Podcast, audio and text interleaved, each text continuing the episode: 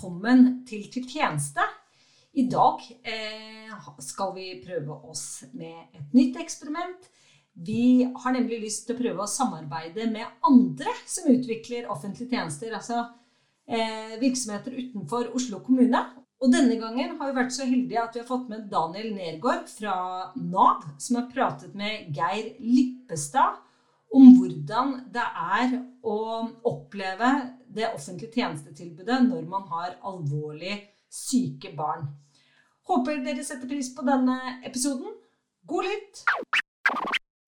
Hvert år fødes det svært mange barn med en eller annen form for alvorlig sykdom. For mange av de så er skjebnen et altfor kort liv. For de som skal leve videre med denne sykdommen, så er fremtiden ganske usikker. Det er et møte med byråkrati, informasjonsinnhenting og veldig mye krav. Med oss for å snakke om dette temaet så har vi med en som sikkert for de fleste av oss er godt kjent. Geir Lippestad, velkommen til Nav. Takk, Daniel. Du er jo her fordi du har jo egenhendig opplevd dette. Ja. Som vi snakket om. Eh, nærmest fått en B-vare. Ja, det, det, det, det, er riktig. Altså man det er, et, det er, jo et, kraftfullt ord å bruke, og, men vi snakket jo litt om det på forhånd. Og, og, det er jo slik at når vi blir foreldre, når vi skal bli foreldre, så, så er det jo ingen som, som, går ut og tenker på at nå skal vi få et barn som er alvorlig syk. Eller at man ønsker seg et barn som er alvorlig sykt. man blir like glad, det må jeg få lov å understreke, kanskje minst like glad i, i, i barna som man får, uansett hvordan de er. Men, men, man ønsker seg jo selvfølgelig ikke barn som får masse utfordringer i livet. Eh, og og når du får et barn som er annerledes, så, så møter du også dine egne fordommer. Mm. I hvert fall hvis det er nytt for deg. Å få et barn som skal sitte i rullestol, et barn som ikke ser, et barn som er alvorlig syk, et barn som ikke kan puste selv. Du møter jo dine egne fordommer. Hvor, sånn, er dette et verdig liv? Hvordan skal dette livet bli? Eh, kan hun få jobb? Kan hun få seg en kjæreste? Få en familie? Skal hun leve? Hvordan skal dette livet bli? Så man, man møter jo sine egne fordommer, og selvfølgelig Eh, samfunnets eh, forventninger til at vi skal være sterke og friske og lykkes. ikke sant? Mm. Så, så, man får jo en følelse av at man har fått, um, fått et barn som um, som kanskje kan bli en byrde, ja. Mm. Uh, og, og, derfor er det så utrolig viktig at apparatet som du møter, den første jordmoren du snakker med, hvis vi tenker på helse, og den første du snakker med i bydelen eller i kommunen, og den første du snakker med på Nav-kontoret, eh, sier og gir uttrykk for det motsatte. Ja. At uh, alle barn uh, som kommer til Norge, er velkommen. Og heldigvis så, så har vi systemer og velferdssamfunn som, som, som, tar vare på oss. Men den kommunikasjonen av at, at barna ditt er velkommen, er kjempeviktig. Jeg husker jeg skulle søke rullestol til Rebekka. Uh, da var hun to år. Og, og, vi fikk akkurat den rullestolen vi skulle, hadde søkt på. Det var en sånn Pantera, rød, flott, med sommerhjul og vinterhjul, og det var regntrekk, og det var alt som vi hadde søkt på. Eh, men jeg var bare sint eh, når jeg fikk den rullestolen, fordi at det jeg egentlig ville ha, eh, det var en fysioterapeut som kunne få Rebekka til å gå, selvfølgelig. ikke sant? Og, og, jeg husker også det møtet veldig godt, for det var veldig fokus på at jeg hadde fått alt jeg hadde søkt på. Mm. Eh, og, og, vedtaket, ikke sant, og at det kostet jeg husker ennå, 22 380 kroner kostet den stolen. Og jeg tenkte i all verdens land og rike er en stol så dyrt, og dette var jo fryktelig dyrt, og Rebekka kommer til å koste en masse. Så lå jeg og tenkte der om, om, natta husker jeg, Dette er mange år siden Rebekka ville vært eh, 27 år nå. Eh, så lå jeg og tenkte Tenk om den personen som kom fra kommunen, hadde kommet inn eh, og ikke lagt det vedtaket foran meg med en gang, men sagt Hei, Rebekka. Kom her. Vi har med en rullestol her, og vi har gjort klar barnehagen. Den er nå klar for rullestolen din. Vi har gjort klart lekeplassen ute i, i, bydelen. Og når du skal på skolen, så er den også klar, for vi er så glad for at du er her hos oss. Og nå skal du komme deg ut og leke med de andre ungene. Denne stolen er for at du skal få bli som de andre. Da hadde hun hjulpet meg, og også, også fortalt meg, at, at Rebekka er velkommen i vår bydel. Men det vi hører, ikke sant, ikke snakk så mye om at vi har en god bydel for funksjonshemmede, for da kommer det flere av de. Og da blir det dyrt. Ikke sant? Ja. Det er den underliggende samfunnskommunikasjonen eh, som, som, man møter. Og det gjør at man blir lei seg, og, og, og man blir på vakt. Og, og, man blir hele tiden letende etter, etter, feil. Så hvis jeg skal gi én eh, gratis, eh, enormt ressursbesparende råd fokuser og kommuniser verdien av barnet først. Og kom med det tekniske og praktiske vedtaket etterpå. Mm. Ikke motsatt. Mm. Eh, og i hvert fall ikke glem eh, å kommunisere på et eller annet vis at dette barnet er, er vi veldig glad for at vi får lov til å hjelpe. For, for, dette barnet er viktig, og det er viktig for samfunnet vårt. Vet du hva? Det trenger vi foreldre å høre. Selv om vi er advokater, eller selv om vi er leger, eller selv om vi er ingeniører. Mm. Vi snakket jo litt innledningsvis uh, før vi gikk eh, på lufta om dette med tillitsbasert dialog. Hvor ja. viktig dette er. Ja.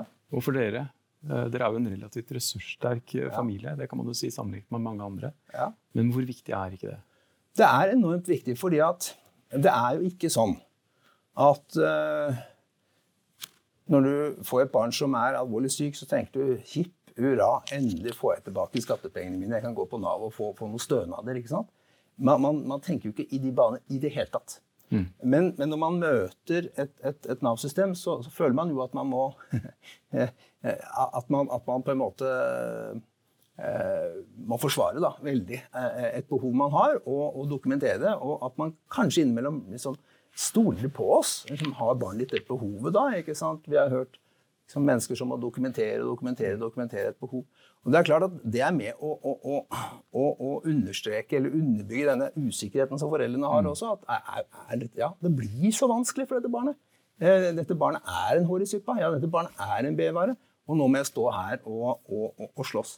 Så, så, det å kommunisere eh, i digitale flater, nå som vi digitaliserer så mye, det jeg er bekymret for, er jo at vi får færre og færre menneskemøter. Mm. Men, men, noen menneskemøter er det. Men i hvert fall når man digitaliserer, så må man, må man, ta med denne formen for dialog. Man må få det inn i det digitalt på et eller annet vis. Eh, ellers så tror jeg man bruker veldig mye ressurser på å, å snakke med veldig mange frustrerte mennesker. Mm. For deres del, eh, dere har jo da Rebekka, som du nevnte, mm. som døde. Mm.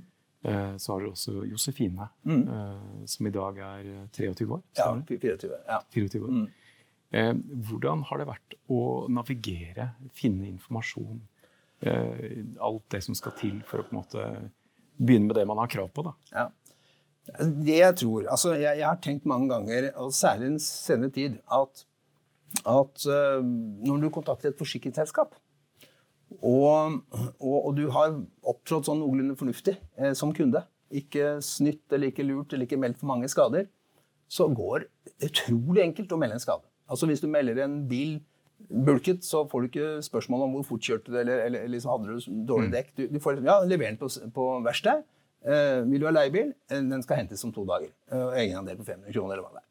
Du føler liksom Jøss, yes, de stoler på meg. Det er bra. Her vil jeg være. Her vil jeg gi informasjon. Eh, når du får et sjukt barn, så er det jo ikke sånn, som jeg sa i sted, at, mm. at det gjør du for at du skal lure Nav. det er åpenbart. Så jeg skulle jo, skulle jo ønske at, at, at, man i et Nav-system Man må ha kontroll, men, men som forsikringsselskapene gjør altså at man i hvert fall i, hvert fall når det blir digitalisert, at, at, det å få syke barn er jo en mindre risiko for at noen lurer Nav og lurer staten enn en, kanskje på andre områder. Så at, at, man blir møtt med et system som man ikke har så stor kontroll øh, øh, Møter så stor grad av kontroll. Fordi at eh, når du, når, du, skal orientere systemet, så er det krevende. Eh, og vi eh, som Ja, jeg er jurist og advokat, altså vi brukte fryktelig mye tid mm. på å, å, å, få på plass fornuftig hjelp. Alt fra undervisning, helsehjelp, språkopplæring, selvfølgelig alt det tekniske hjelpemidler, stønadsordninger. Ja, du vet, vi brukte mye, mye tid. Og mm. stort sett så kommer disse tingene for sent. Og det er vår feil, da, selvfølgelig, at man søker for sent. Altså man, man, sitter ikke og håper på nå kan jeg søke. Endelig er hun kommet så vi kan søke. Man, man søker for sent. Man ønsker jo egentlig ikke hjelp. Eh, mens, mens, når man møter et, et, stort system, så kan det virke som om, om, systemet tenker at jo, det, det, er det de er ute etter, å få hjelp. Men det er jo mm. motsatt. vet du. Mm. Ta f.eks. brukerstyrt personlig assistanse, som, som er en, en kommunal helsetjeneste, så det er ikke en del av Nav. Men du har jo funksjonsassistanse, som er en del av Nav-hjelpemiddelsystemet.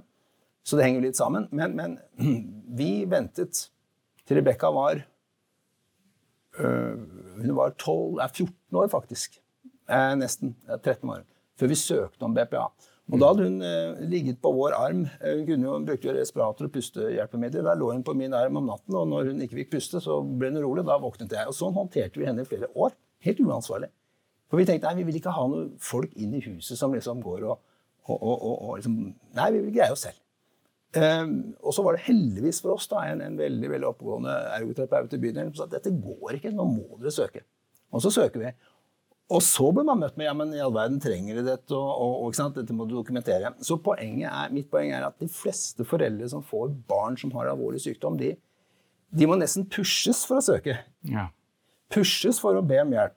Pushes for, å, for, å, for å få, at barn skal få de mulighetene man har. Mm. Uh, det er ikke sånn at man sitter og prøver å lure systemet. Og det skulle jeg så ønske, og særlig når systemet er mer, og mer digitalisert, at at det, det, på en måte kommer inn i, mm. i det diktale systemet. At, at, at, at de holdningene er der. Det, det er ikke, man er ikke ute for å lure. Det er veldig veldig få som er det. Altså.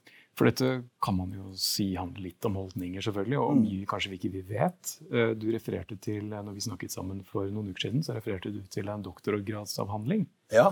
som tok opp dette med at 60% av alle barn på rehabilitering på Ullevål sykehus er barn med innvandrerbakgrunn, men bare 5% av den gruppen etterspør gratis tjenester. Ja, gratis rehabiliteringstjenester. Ja. Det, er, det er et doktorgradsarbeid på Beitostølen helsesportsenter, og et ekstremt spennende arbeid. Fordi eh, vi designer jo tjenester ut fra eh, et sånt gjennomsnittsmenneske og en gjennomsnittsfamilie. Mm. Og det som eh, man, helt riktig som du sa, Daniel, man fant eh, på Beitostølen helsesportsenter, som driver veldig viktig rehabilitering av bl.a. barn og unge, så de kan fungere så godt som mulig med, med sine fysiske begrensninger. Det var at det kommer ingen med innvandrerbakgrunn hit. Hvorfor i all verden ikke? Når, som du sier, 60% av barna på habilitering på Ullevål er barn med innvandrerbakgrunn.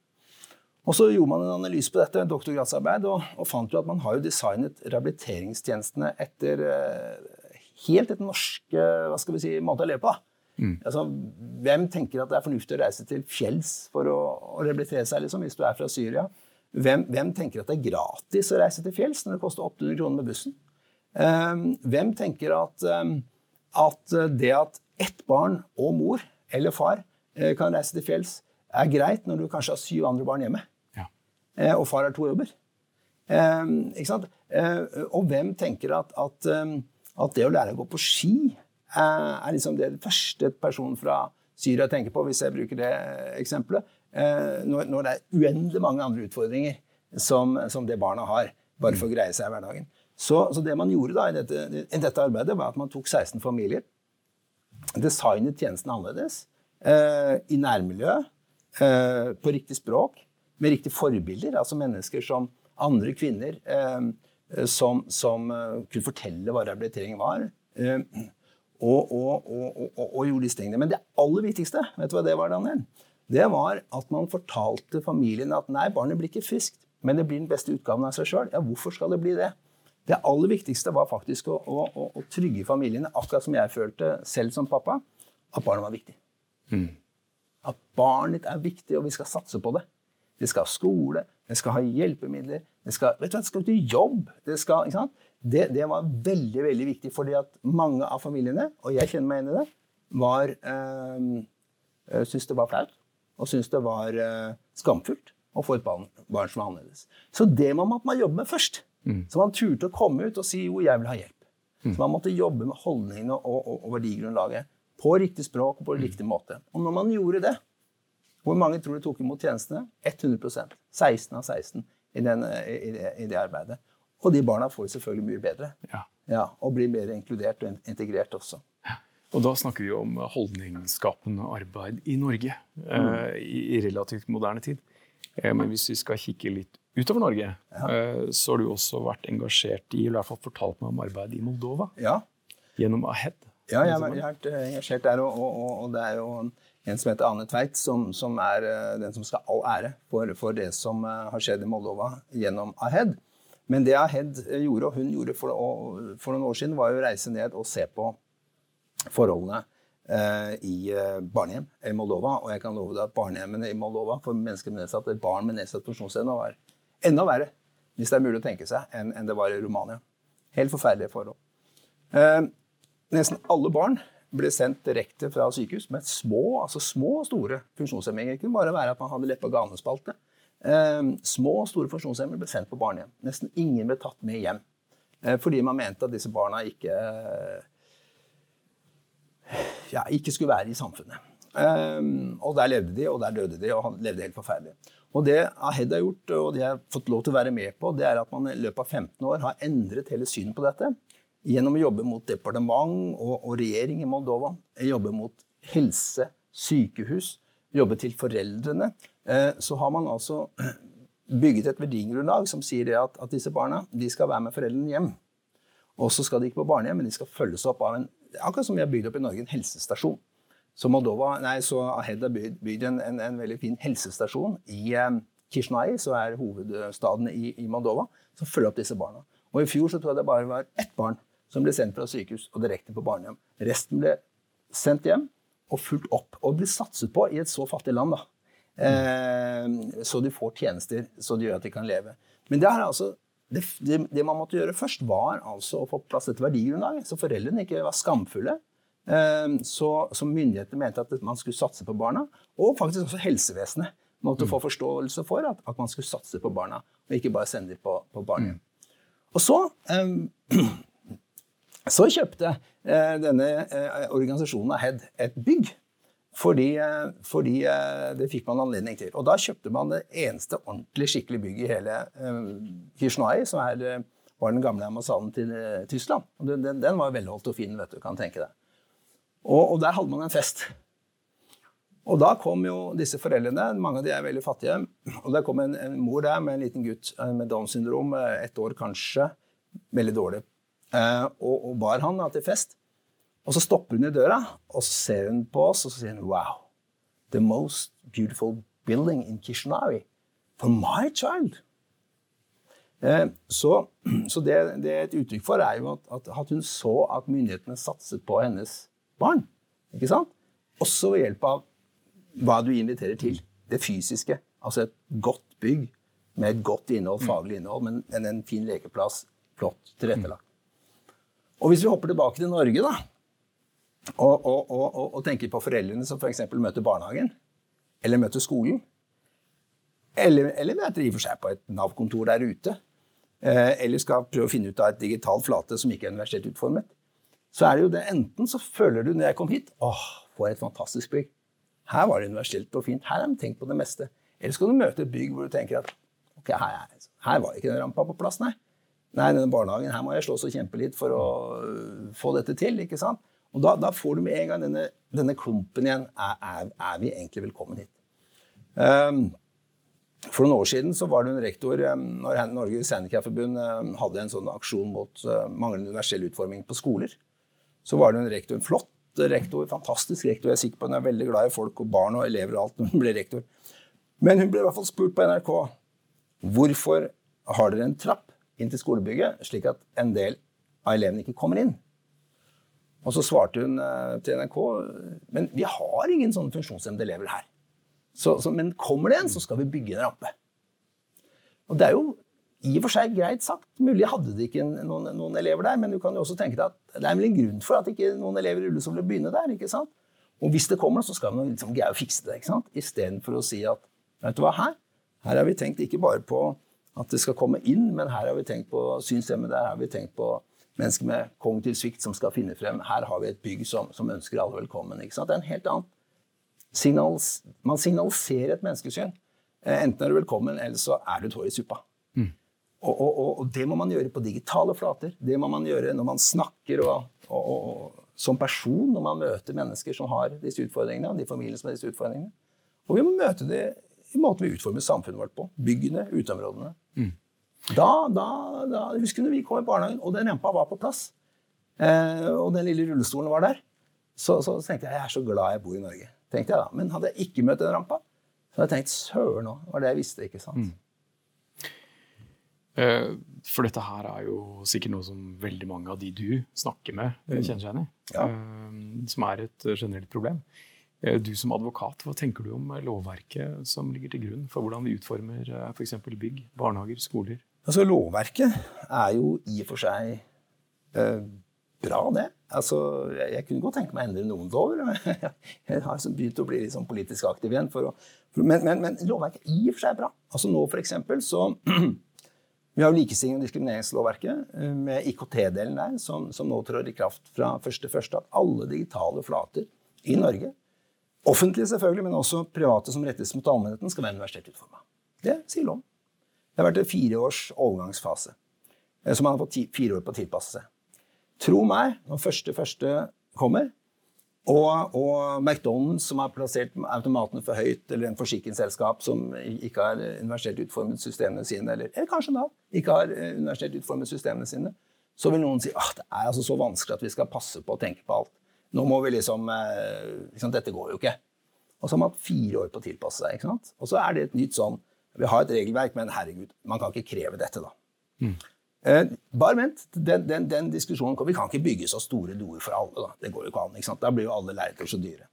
Så, så, så, det handler om vilje, det handler om holdninger. Tenk deg hvis vi får bygd altså, Dette med universell utforming, det er jo også et menneskesyn. Uh, enten så tilpasser du et samfunn for at du er frisk eh, 40 år og, og, og, og liksom fungerer. Eller så tilpasser du samfunnet etter at vi er veldig forskjellige. At vi har forskjellige egenskaper, at vi er gamle, unge, at vi sitter i rullestol, at vi kanskje ikke ser, at vi kanskje ikke hører. Og, og, og liksom tenker at det er målet, å tilpasse for flest mulig, og ikke ha én standard som alle må tilpasse seg til. Er det vi mennesker som må tilpasse oss denne ene standarden, eller er det samfunnet som skal tilpasse seg at vi er forskjellige? Det er to forskjellige menneskesyn, eh, rett og slett. Så, vi er jo så, forskjellige. Mm. Tilpasse seg til noe vi er. Vi er jo forskjellige. Ja, ikke sant. Det er klart vi er det. Så, um, så, så, det er klart at, at, regelverket har vi der, men, men, men, men, ikke alltid følges det. Og så er det det at det er vanskelig å finne ut av det. Vet, for mennesker som får et sykt barn, så, så det, er det veldig mange etater, eh, kommuner, systemer, sykehus, helsetjeneste, spesialisthelsetjeneste, fast Det er veldig mange. Og det som, som er mitt, min drøm, det er jo at man hadde greid å lage en plattform hvor du kunne få informasjon fra alle de etatene ja, og de stedene du trenger informasjon fra, ett sted. Mm. Det ville jo vært bra, fordi at eh, folk har jo ikke den systemkompetansen at, at du tenker at Nav gjør ditt, og, og, og ja, hvis jeg skal ha BPA, så, så, er det kommunen som sørger for det som er hjemme, men så skal jeg ha funksjonsassistanse hvis jeg skal på jobb. og så, Man tenker jo at kan ikke vi bare få dette til?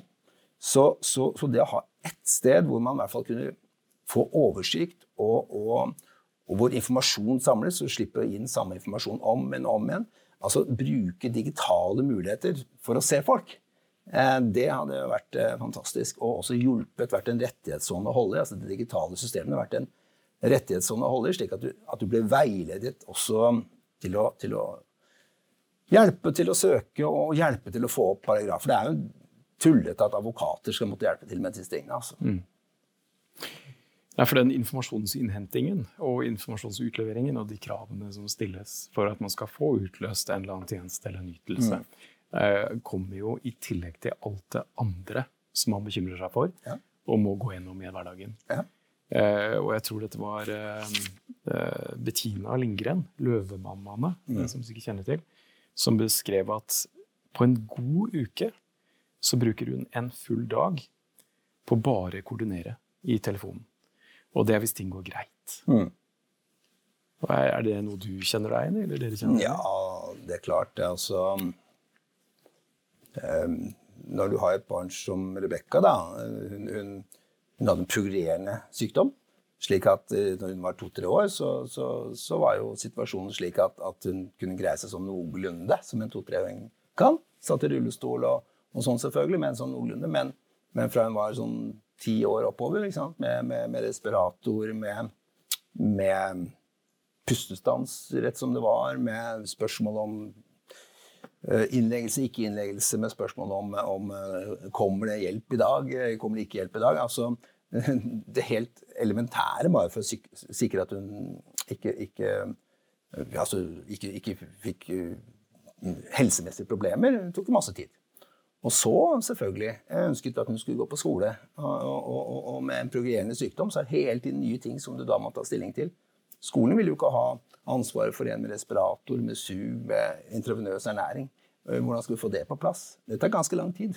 Bare en sånn liten ting. Det å få en på skolen. Ikke, ikke det fysiske å få en på skolen, men, men få systemet på skolen til å være slik at, at vi er trygge på at, at hun får den medisinen hun skal ha. At, at, de som gir medisin, er trygge på at de vet hva de skal. Altså, mange som skal koordineres. Så vi, vi gjorde alt vi kunne for at Rebekka skulle kunne gå på skole. Hun hadde sin siste skoledag ikke på skolen, for det var hjemmeskole da, men, men en uke før hun er faktisk tre dager før hun døde. Men det var viktig for henne. Mm. Eh, men det må koordineres. Det vet ikke hvor mye tid vi brukte akkurat på de siste årene, men, men, man bruker fryktelig mye tid på å koordinere at livet skal være så bra som mulig. Og så i tillegg skal du søke, og så i tillegg skal du forsvare, og i tillegg skal du forholde deg til en arbeidsgiver. Eh, I tillegg skal du forholde deg til eh, et ekteskap som forhåpentligvis skal fungere. Og så sliter du med sorg. Mm. Det tar ganske mye tid. Hvis du har mista moren din eller faren din, så vet du at det er, bare det er tungt, og det tar tid å komme seg. Eller hvis du har mista en bror eller noen du er glad i. Dette er barnet ditt, mm. som, som, du ser hver dag blir dårligere. Eh, du bruker masse, masse, masse krefter på bare å håndtere det. Så det, det Nei, så, så, så, oppi dette så er det klart at foreldre ikke orker å stå i altfor mange klager og, og, og klagesaker, og, og, får man et avslag, så det er nesten sånn, jeg snakker med mange, De orker ikke å åpne brevene engang. For man orker bare ikke forholde seg til et avslag. Mm. Jeg har eh, vært borti gjennom innsiktsarbeid som vi jobber med, eh, sitater fra foreldre som har eh, sendt inn søknad, og som sier at vi forventer jo at det blir et avslag. Ja, og det er det, det, er det som jeg altså Tilbake til denne litt sånn tekniske denne risiko Altså, som samfunn må vi passe på at vi bruker pengene våre fornuftig. ikke sant? Mm. Det er klart. Og vi skal ikke ha noe misbruk, og, og, noen skal ikke lure systemet. Det er viktig. Men jeg tenker at når det gjelder enkelte områder, f.eks. familier med syke barn, kan man ikke definere det som Det er mindre risiko for at du liksom har fått syke barn for å lure systemet. mm. um, så der er risikoen ganske lav, egentlig. Går det ikke an å lage risikofaktorer i disse systemene som er litt forskjellige ut fra hvilket område du er på. Um, slik at, at, at, ja, om du ender med å utbetale noen kroner for mye, da, så, så, vil du i hvert fall uh, totalt sett ende med at du får uh, gjort uh, en veldig mye bedre jobb for veldig mange. Så det å møte den derre at, at, at, du liksom At du, at du Ja, at ting tar sånn tid. Og det, det, det, gjør jo ofte at man tjenesten kommer for seint også, da. Skal du, skal du på Ta en enkel ting. da. Har du lyst til å ta med ungen din på ski og skal søke på en eh, skikjelke eller en, en, en, en, sitske, så er det jo sommer før den sitsken kommer. Og neste vinter så har man jo vokst fram. ikke sant? Mm. Og det er liksom vanskelig å planlegge en skitur et år i forveien. Det, det, er liksom sånn, det er ingen som gjør det. Eh, så, så, så, så finne systemer som er mer fleksible, det er jo kjempeviktig. Mm. Eh, rett før vi gikk på lufta, så snakket vi litt om eh, ikke minst den arbeidsbyrden som du sto i. Som veldig mange vil huske på. 22. juli-rettssaken. Og du nevnte for meg dette med rettssikkerhet. Mm. At det var så viktig for deg. Og du sammenlignet det med hvordan du så på f.eks. Rebekka og ja. Josefines fremtid. Ja. ja, det er riktig. Um det er klart, når jeg, når jeg fikk forespørsel om å ville ta den saken den natten, natten til uh, eh, 23. juli, da, uh, når han var blitt pågrepet, så, så, var jo ikke min første tanke at ja, det, det er en sak jeg har lyst på. Men jeg gikk noen runder med meg sjøl òg. Og, og, det som var avgjørende for at jeg sa ja, det var at jeg, jeg tenkte vet du hva, nå har jeg gått i mange år. og, og liksom blitt både sint og overrasket over at liksom jeg må slåss for rettssikkerheten til min datter. Ja, om det er uh, retten til undervisning, retten til å få et språk, retten til å få opplæring, retten, retten til å egentlig planlegge for arbeid, selv om hun ja, De trodde ikke hun skulle bli 17,5 år engang, trodde hun skulle dø mye før, men liksom retten til å få alle muligheter, selv om du har et begrenset liv. Altså hennes rettssikkerhet. Og jeg liksom ble overrasket da når jeg følte at noen tenkte at hun ikke har samme rettssikkerhet som andre. Og psykisk utviklingshemmede møter det den dag i dag, se i covid, eh, med dette med bolig og hvem man ja. Man, man, møter en dag i dag. Og da tenkte jeg at hvis jeg kan faktisk ikke gå rundt og bli sint på de som mener at min datter som var psykisk utviklingshemmet, ikke har rettssikkerhet, hvis jeg, hvis jeg, selv tenker at rettssikkerheten er, er, er, er noe, noe, som man kan uh, tenke ikke er absolutt, noe som man kan tenke er har liksom en toleransens utegrense, han har gjort en forferdelig handling, Breivik, men han har rettssikkerhet. Så, så, det var egentlig datteren min som aldri har gjort noen fortred.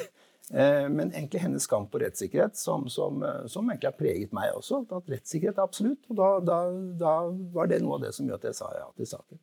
Mm. Men vi, vi, føler så sterkt på det, Daniel, at, at, du må slåss for, for din rettssikkerhet når du, når du, når du er når du har en, en, en sykdom, og, og, kanskje spesielt eh, en, eh, tillegg da, eh, er, er psykisk utviklingshemmet. Det er på alle områder. Bolig, jobb. Vet du at 85 85 av alle psykisk utviklingshemmede mellom 18 og 24 år står uten jobb eller dagtilbud. 85 Hadde det vært hvilken som helst annen gruppe, så hadde vi slåss, vi hadde gått i tog, vi hadde hvert valg hadde bestått av den ungdomsgruppa skal ha jobb, ikke sant? Det er 85 mm. Vi får eh, psykisk utviklingshemmede gjennom skolegangen, og så, så, slipper man det, liksom. Er det så viktig, da? Ja, det er kjempeviktig, for de har jobb. Så, så, så rett, rettssikkerhet er ikke en selvfølgelighet, og, og, dette sitter vi og føler på. Mm. Ja, og kanskje du også litt uh, mer enn andre. Du fortalte jo også at familien din har et ganske høyt uh, engasjement uh, tilbake i tid til oldefaren din. Ja, oldefaren min og hans bror og søster de hadde jo et veldig engasjement for nettopp psykisk utviklingshemmede, mm. og spesielt psykisk utviklingshemmede jenter. Fordi at eh, på slutten av 1800-tallet så ble de behandlet nokså forferdelig, egentlig. Når du fikk en eh, psykisk utviklingshemmet i familien, en eh, jente, så ble hun gjerne satt bort på en, en gård. Og, og, var du heldig, så var de snille og greie, men veldig ofte så ble de utnytta og, og satt i hardt arbeid og fikk ikke verken utdannelse eller, eller, brukt potensialet sitt på noen som helst måte. Slavelignende forhold. Så han, eh, han, fikk et oppdrag fra den gangen kongen, da, som det het, og, og kjøpte Torshov gård og, og, startet det første skole- og, og arbeids- og bosted for psykisk utviklingshemmede jenter. Og så var det broren og søsteren. Søsteren het Emma Lippestad. Hun, hun gifta seg Hjort og, og gjorde noe av det samme ute i Bærum. Så de tre søsknene var veldig interessert i dette. Og Ullevålsveien skole står der fremdeles som en tredje skole som de starta. Mm. Så de var veldig opptatt av rettigheter og, og, og opplæring, og, og, at man skulle bli den beste utgaven av seg sjøl. Det var mm. deres, deres motto. da. Pionerer innen verdiskapende arbeid, i hvert fall. Eh, og hvis vi skal snakke litt om verdier, og vi skal se litt framover, hva slags samfunn er det vi egentlig ønsker oss, eh, Geir? Og hva kan vi gjøre for å få det til? Ja, altså, jeg tenker eh, både, både innenfor for ledelse så er det jo veldig populært å snakke om mangfoldskunnskap. Og selvfølgelig innenfor, innenfor um, samfunnet, dette med at, at, at, mangfold er bra. Og så har man jo nå vært gjennom en valgkamp i USA. Uh, vi ser hvordan Europa er. Vi ser også at vi har debatter i Norge hvor, hvor liksom, hvem hører til, og hvem hører ikke til.